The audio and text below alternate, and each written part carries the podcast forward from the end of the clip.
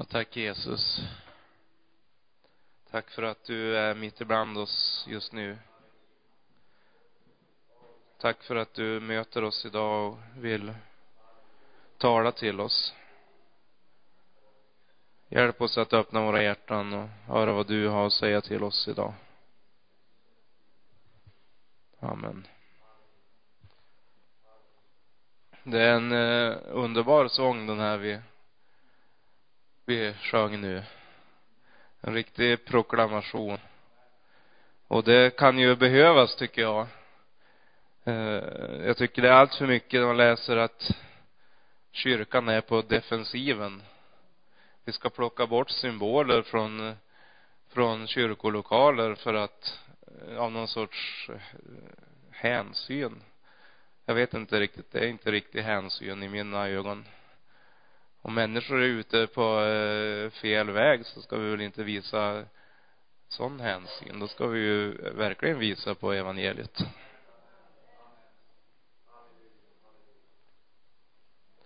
Temat för eh, predikan idag, det är Jesus, vår sabbatsvila.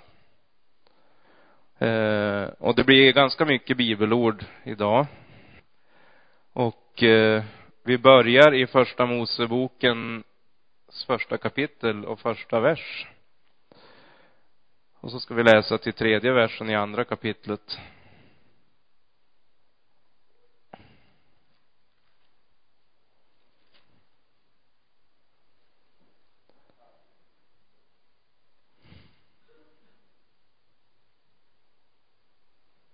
I begynnelsen skapade Gud himmel och jord. Jorden var öde och tom och mörker var över djupet och Guds ande svävade över vattnet. Gud sa, var det ljus och det blev ljus. Gud såg att ljuset var gott och han skilde ljuset från mörkret. Gud kallade ljuset dag och mörkret kallade han natt och det blev afton och det blev morgon. Det var den första dagen. Gud sa, var det mitt i vattnet ett valv som skiljer vatten från vatten. Gud gjorde valvet och skilde vattnet under valvet från vattnet ovanför valvet och det skedde så. Gud kallade valvet himmel och det blev afton och det blev morgon. Det var den andra dagen. Gud sa, vattnet under himlen skall samlas till en enda plats så att det torra blir synligt. Och det skedde så. Gud kallade det torra land och vattensamlingen kallade han hav. Och Gud såg att det var gott. Gud sa, jorden skall frambringa grönska och fröbärande örter, fruktträd som efter sina slag bär frö med frukt i sig. Eh, eh, skall växa upp på jorden och det skedde så. Jorden frambringande grönska, fröbärande örter efter sina slag och träd som efter sina slag bär frukt med frö i sig. Och Gud såg att det var gott. Och det blev afton och det blev morgon. Det var den tredje dagen. Gud sa, var det på himlavalvet ljus som skiljer dagen från natten. Det ska vara tecken som utmärker särskilda tider, dagar och år. Och det ska vara ljus på himlavalvet som lyser över jorden. Och det skedde så. Gud gjorde de två stora ljusen, det större att härska över dagen och det mindre att härska över natten, likaså stjärnorna. Han satte den på himlavalvet till att lysa över jorden, till att härska över dagen och natten och till att skilja ljuset från mörkret. Och Gud såg att det var gott. Och det blev afton och det blev morgon, det var den fjärde dagen. Gud sa, vattnet ska vimla av levande varelser och fåglar ska flyga över jorden under himlavalvet. Och Gud skapade de stora havsdjuren och alla levande varelser som rör sig i vattnet och som vattnet vimlar av, allt efter deras slag. Likaså alla bevingade fåglar efter deras slag, och Gud såg att det var gott. Gud välsignade dem och sa, var fruktsamma och föröka er och uppfyll vattnen i haven, eh, vattnet i haven. Också fåglarna skall föröka sig på jorden. Och det blev afton och det blev morgon, det var den femte dagen. Gud sa, jorden skall frambringa levande varelser efter deras slag, boskapsdjur, kräldjur och jordens vilda djur efter deras slag, och det skedde så. Gud gjorde jordens vilda djur efter deras slag, boskapsdjuren efter deras slag och alla kräldjur på marken efter deras slag, och Gud såg att det var gott. Gud sa, låt oss göra människor till vår avbild, till att vara lika oss. Det ska råda över fiskarna i havet och över fåglarna under himlen, över boskapsdjuren och över hela jorden, över alla kräldjur som rör sig på jorden. Och Gud skapade människan till sin avbild, till Guds avbild skapade han henne, till man och kvinna skapade han dem. Gud välsignade dem och sa till dem, var fruktsamma och föröka er och uppfyll jorden. Lägg den under er och råd över fiskarna i havet, över fåglarna under himlen och över alla djur som rör sig på jorden. Och Gud sa, se jag ger er alla fröbärande örter på hela jorden och alla träd med frukt som har frö. Detta ska ni ha till föda. Men åt alla djur på jorden, åt alla fåglar under himlen, åt allt som krälar på jorden, åt allt som har liv ger jag alla gröna örter till föda. Och det skedde så. Gud såg på allt som han hade gjort och se, det var mycket gott. Och det blev afton och det blev morgon, det var den sjätte dagen. Så fullbordades himlen och jorden med hela sin härskara. På sjunde dagen hade Gud fullbordat sitt skapelseverk. Han vilade på sjunde dagen från hela det verk som han hade gjort.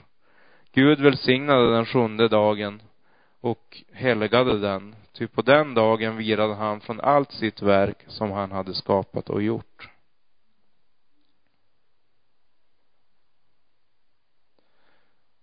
Eh, Bibeln har en väldigt intressant inledning. När Herren hade skapat färdigt, när hans verk var fullbordat, eh, då vilar han. Eh, och han inte bara vilar, att han, han helgar också just den dagen. Det blir alltså den viktigaste dagen på hela veckan, dagen när man ska vila. I tider av eh, stress och oro och utbrändhet som vi ser så mycket av i vårt samhälle så är det någonting gott att tänka på. Eh, då kan man ju undra över varför just vilodagen var så viktig och att Herren väljer att helga den dagen. Jo, det finns en eh, fantastisk tanke bakom det. När Israel får budorden så understryker Herren i tredje budordet hur viktigt det är med sabbaten. Vi kan läsa det från andra Moseboken 20, vers 8 till 11.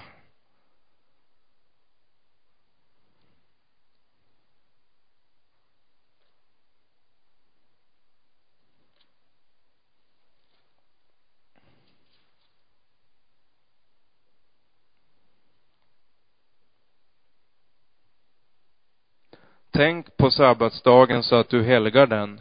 Sex dagar skall du arbeta och uträtta alla dina sysslor. Men den sjunde dagen är Herrens, din Guds sabbat. Då skall du inte utföra någons, eh, något arbete, inte heller din son eller din dotter, din tjänare eller tjänarinna, eh, eller din boskap, och inte heller främlingen som bor hos dig inom dina portar. Ty på sex dagar gjorde himl Herren himlen och jorden och havet och allt som är i dem, men på sjunde dagen vilade han. Därför har Herren välsignat sabbatsdagen och helgat den.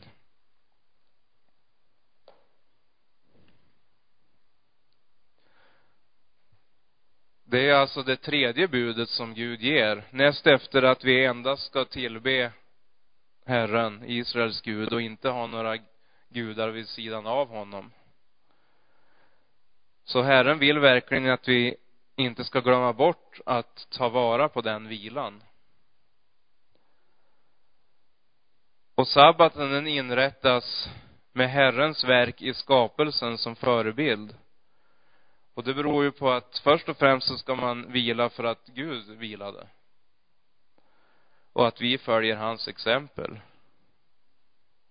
En annan intressant aspekt, det är att vilan på sabbaten gällde alla. Det var inte så att tjänare och tjänarinnor var undantagna från det här. Utan man, alla var befriade från arbete. Det var ju också för att det var en påminnelse på att Herren, han befriade folket från slaveriet.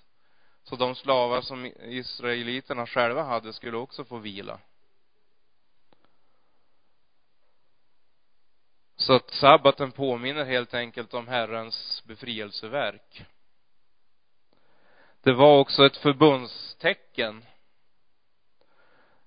En påminnelse om Sinai-förbundet. Och näst efter omskärelsen så var sabbaten det viktigaste förbundstecknet.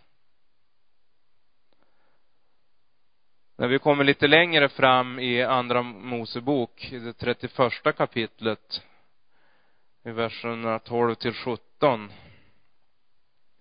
eh, så skärper Herren sabbatsbudet.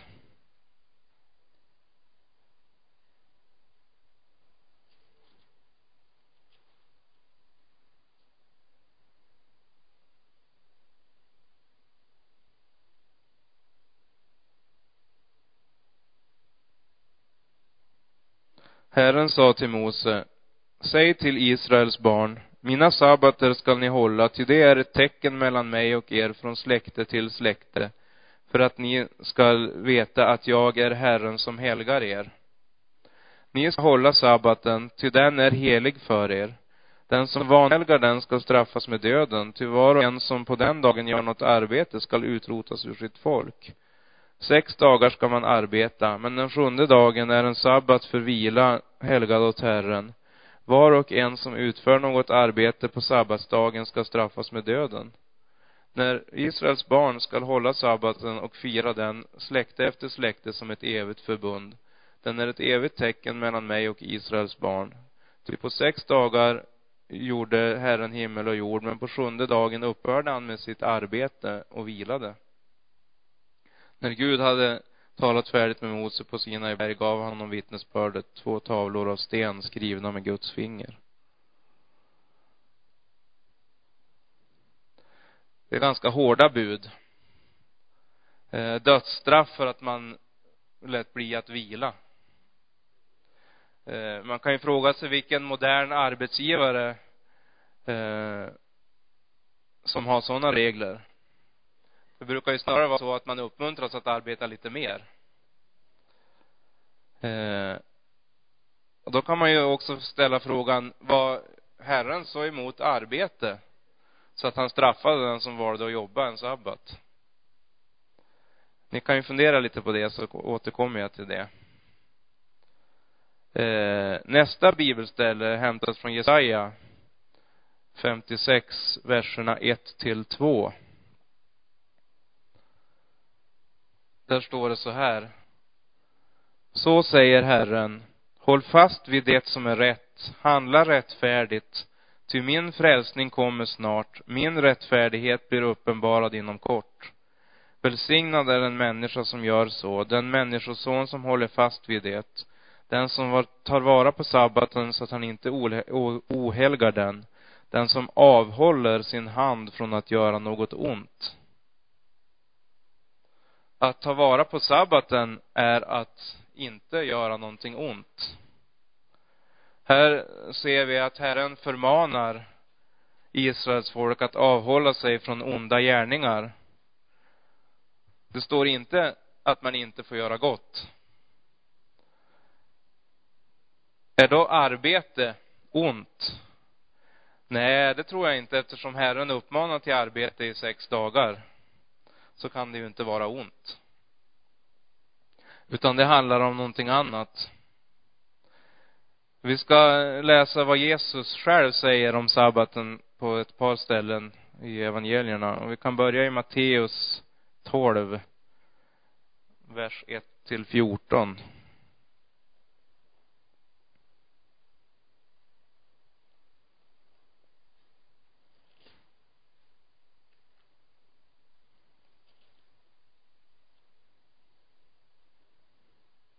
Vid den tiden gick Jesus genom ett sädesfält på sabbaten.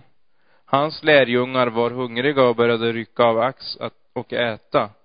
När fariseerna såg det sade de till honom, se, dina lärjungar gör det som inte är tillåtet på sabbaten. Han svarade dem, har ni inte läst vad David gjorde när han och hans följeslagare var hungriga? Hur han gick in i Guds hus och åt skådebröden som varken han eller de som var med honom fick äta, utan endast prästerna. Eller har ni inte läst i lagen att prästerna i templet på sabbaten bryter mot sabbaten och ändå är utan skuld? Jag säger er, här ser ni det som är större än templet. Om ni hade förstått vad detta betyder, jag vill se barmhärtighet och inte offer, så skulle ni inte ha dömt de oskyldiga. Ty människosonen är sabbatens herre. Sedan begav han sig därifrån och gick in i deras synagoga. Där fanns en man som hade en förtvinad hand. Då frågade Jesus, är det tillåtet att bota på sabbaten? De ville nämligen ha något att anklaga honom för. Han svarade dem, vem av er skulle inte gripa tag i sitt får och dra upp det om det faller i en grop, och det också på sabbaten? Hur mycket mer är inte en människa värd än ett får? Alltså är det tillåtet att göra gott på sabbaten. Sedan sa han till mannen, räck ut din hand. Han räckte ut den och den var nu lika frisk som den andra. Fariséerna gick då ut och överlade om att döda honom. När Jesus fick veta detta drog han sig undan.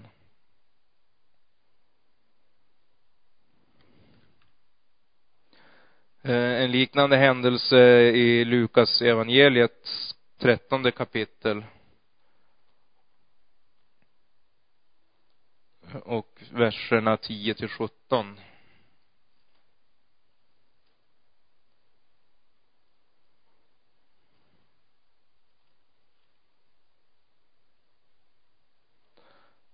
En sabbat undervisande Jesus i en av synagogorna. Där fanns en kvinna som hade haft en sjukdomsande i 18 år.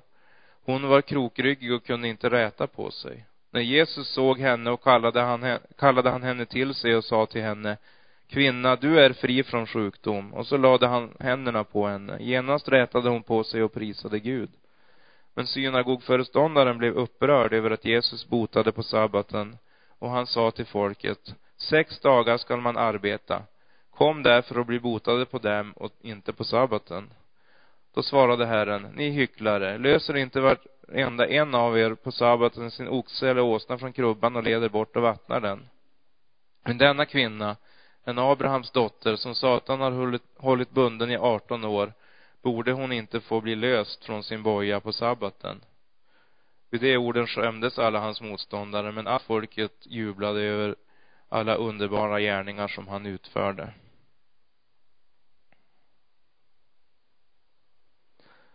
Jesu syn på sabbaten var att den på ett särskilt sätt skulle påminna om Guds gärningar. Det var alltså inte en lag som bara skulle följas. Det var inte meningen att det skulle vara ett ok, utan en befrielse. Sabbaten var till för vila, för människor. I Markus evangeliet så säger ju Jesus att sabbaten blev gjord för människan och inte människan för sabbaten. Och i Matteus 11, 25 till 30 så står det, jag pri, så säger Jesus, jag prisar dig fader, du himlens och jordens herre, för att du har dolt detta för det visa och kloka och uppenbarat det för de små. Ja, fader, detta var din goda vilja. Allt har min fader överlämnat åt mig, och ingen känner sonen utom fadern inte heller känner någon fadern utom sonen och den som sonen vill uppenbara honom för. Kom till mig, alla ni som arbetar och bär på tunga bördor, så skall jag ge er vila. Tag på er mitt ok och lär av mig, ty jag är mild och ödmjuk i hjärtat. Då skall ni finna ro för era själar, ty mitt ok är milt och min börda är lätt. Vi kan alltså komma till Jesus vi som arbetar och bär på tunga bördor, så ska han ge oss vila. Och det är ett gott budskap till den som är utarbetad. Och vad är det för sorts vila som Jesus erbjuder? Jo, det handlar om att han erbjuder en vila från strävan att själv uppnå rättfärdighet. Det är alltså inte längre bara en vilodag i veckan, utan det handlar nu om ett tillstånd som vi som frälsta alltid befinner oss i. Och framför allt om en person, nämligen Jesus själv. Vi läste ju i Andra Moseboken 12 att den som inte helgade sabbaten straffades med döden. I Romarbrevet 6 och vers 23 så står det, till syndens lön är döden, men Guds gåva är evigt liv i Kristus Jesus, vår Herre. När vi tar emot frälsningens gåva så kommer vi in i den vila som Gud från början hade tänkt för oss människor. En vila som handlar om det som Efesierbrevet uttrycker i kapitel 2 och verserna 8 till 10. Ty av nåden är ni frälsta genom tron, inte av er själva. Guds gåva är det, inte på grund av gärningar för att ingen skall berömma sig. Ty hans verk är vi, skapade i Kristus Jesus till goda gärningar som Gud har förberett så att vi ska vandra i dem.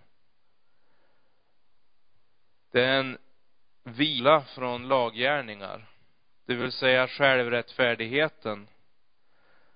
Och samtidigt är det vägen till att börja göra de goda gärningar, trons gärningar, som Herren själv har förberett. Vi läste ju hur allvarligt det var att bryta mot sabbatsbudet. Och i fjärde Mosebok kapitel 15, vers 32 till 36, så hittar vi ett exempel på det.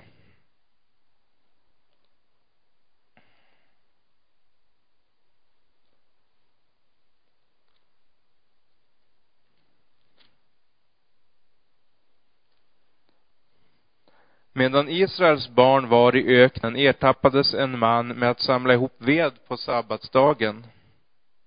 De som ertappade honom med att samla ihop ved förde honom till Mose och Aron och hela menigheten. Då det inte var klart utsagt vad som borde göras med honom satte de honom i förvar. Och Herren sa till Mose, mannen ska straffas med döden. Hela menigheten ska stena honom utanför lägret. Då förde hela menigheten ut honom utanför lägret och stenade honom till döds så som Herren hade befallt Mose. Sabbaten, den innebär en påminnelse om Guds verk. En påminnelse om vem som skulle ha äran för allt det som Israels barn hade fått. Och att bryta mot sabbatsbudet, det var det handlade om att man släppte förtröstan på Herren som förser. Och helt enkelt ta saken i egna händer. Och Jesus, han tog all vår synd och skuld och han gav oss nåden att bli Guds barn utan att vi själva behövde lägga två strån i kors. Och han blir då vår sabbatsvila. Och att förneka det och istället förtrösta på sina egna gärningar, det har en konsekvens. Som vi kan läsa om i, bland annat kan vi läsa om det i Uppenbarelseboken, kapitel 20, vers 11 till 15.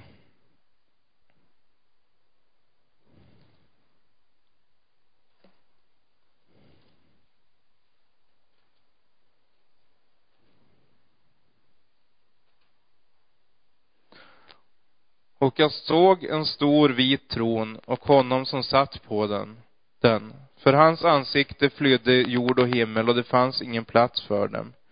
Och jag såg de döda, både stora och små, stå inför tronen och böcker öppnades och ännu en bok öppnades, Livets bok. Och de döda blev dömda efter sina gärningar, efter vad som stod skrivet i böckerna. Och havet gav igen de döda som fanns i det, i det och döden och hel, och döden och helvetet gav igen de döda som fanns i dem och var och en dömdes efter sina gärningar. Döden och helvetet kastades i eldsjön, det vill säga eh, eldsjön är den andra döden. Om någon inte fanns skriven i livets bok kastades han i eldsjön.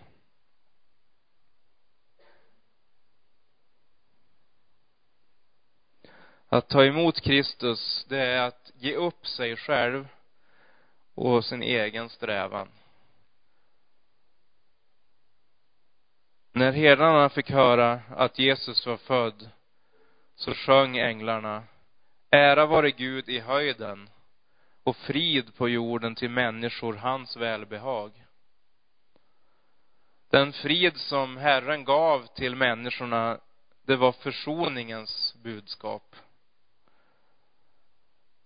Att nu har Messias kommit för att återupprätta relationen som bröts för att vi ville gå vår egen väg och berömma oss själva. Och det vi kan göra, det är att ge upp vår egen kamp mot Gud och acceptera hans verk som han vill ge oss fritt och förintet. Och den goda kamp som återstår, den handlar om att hela tiden påminna oss om att vi är hans verk och att mer och mer lära känna honom. I Hebreerbrevet fjärde kapitlet och vers 1 till och med 16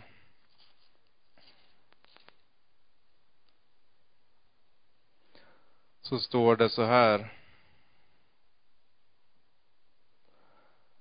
Låt oss därför med fruktan se till att ingen av er visar sig bli efter på vägen när, när nu ett löfte att komma in i hans vila står kvar. Ty evangeliet har predikats för oss liksom för dem, men för dem blev ordet som de hörde inte till någon nytta eftersom det inte genom tron hade smält samman med dem som hörde det. Det är vi som tror som går in i vilan. Herren säger, då svor jag i min vrede, det skall aldrig komma in i min vila. Och det fast hans, eh, fastän hans verk stod färdiga sedan världens grund blev lagd. Ty på stället om den sjunde dagen säger han, och Gud vilade på den sjunde dagen från alla sina verk. På det här stället säger han, det skall aldrig komma in i min vila. Det står alltså fast att somliga går in i vilan och att de som först fick höra evangeliet predikas inte kom in för sin olydnads skull. Därför bestämmer han på nytt en dag som han kallar idag, när han långt senare säger genom David vad som redan är nämnt. Idag, om ni hör hans röst, förhärda inte era hjärtan. Ty om Josua hade fört dem in i vilan skulle Gud inte längre fram ha talat om en annan dag. Alltså finns det en sabbatsvila kvar för Guds folk. Den som har kommit in i hans vila får vila sig från sina gärningar, liksom Gud vilade från sina. Låt oss därför ivrigt sträva efter att komma in i den vilan, så att ingen kommer på fall som det och blir ett exempel på olydnad. Ty Guds ord är levande och verksamt. Det är skarpare än något tvegat svärd och tränger igenom så att det skiljer själ och ande, led och märg. Och den domare över hjärtats uppsåt och tankar. Inget skapat är dolt för honom, utan allt ligger naket och uppenbart för hans ögon och inför honom måste vi stå till svars. Då vi nu har en stor överstepräst, Jesus Guds son, som har stigit upp genom himlarna, så låt oss hålla fast vid vår bekännelse. Ty vi har inte en överstepräst som ej kan ha medlidande med våra svagheter, utan en som blev frestad i allt, liksom vi, men utan synd. Låt oss därför frimodigt gå fram till nådens tron och få barmhärtighet och finna nåd till hjälp i rätt tid. Att inte bli efter på vägen och att sträva för att komma in i vilan, det är ett underbart budskap. Det är inte en fruktlös kamp för att framhäva sig själv, utan det är en god kamp. För att mer och mer glömma bort sitt ego och bli allt mer lik honom. Och därför så kan jag tycka att det är sorgligt när stora delar av den västerländska kristenheten i humanismens och kärlekens namn, kärleken inom situationstecken, knyter näven mot Gud och tycker att man vet bäst. Att efter eget huvud bestämma vad i Bibeln som är Guds ord och allt mer anpassa budskapet efter tidsandan. Jag läste ju att Gud kom med frid till oss. Han skapade fred mellan sig och oss. Men att göra som, som stora delar av kristenheten gör är inte det att på nytt förklara krig mot Gud. Istället för att göra så, så låt oss sträva efter att komma in i hans vila.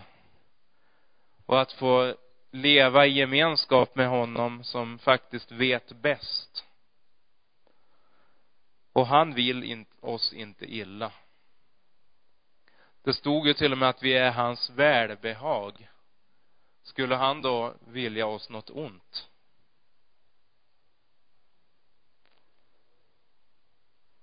Amen. Tack käre Jesus för att du är våran sabbatsvila. Tack för att vi får vila från vår egen strävan och vår egen förträfflighet och vår egen synd i dig. Tack för att det finns nåd så det räcker till alla som vill. Det handlar inte om varifrån vi kommer eller vilka vi är eller hur vi ser ut eller vad vi har gjort och inte gjort. Det handlar bara om dig, Herre. Bara om dig. Tack Jesus för att du är den som förlåter oss och helgar oss. Tack Jesus.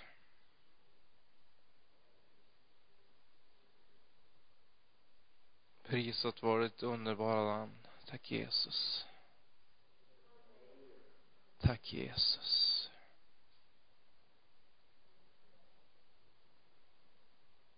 Amen.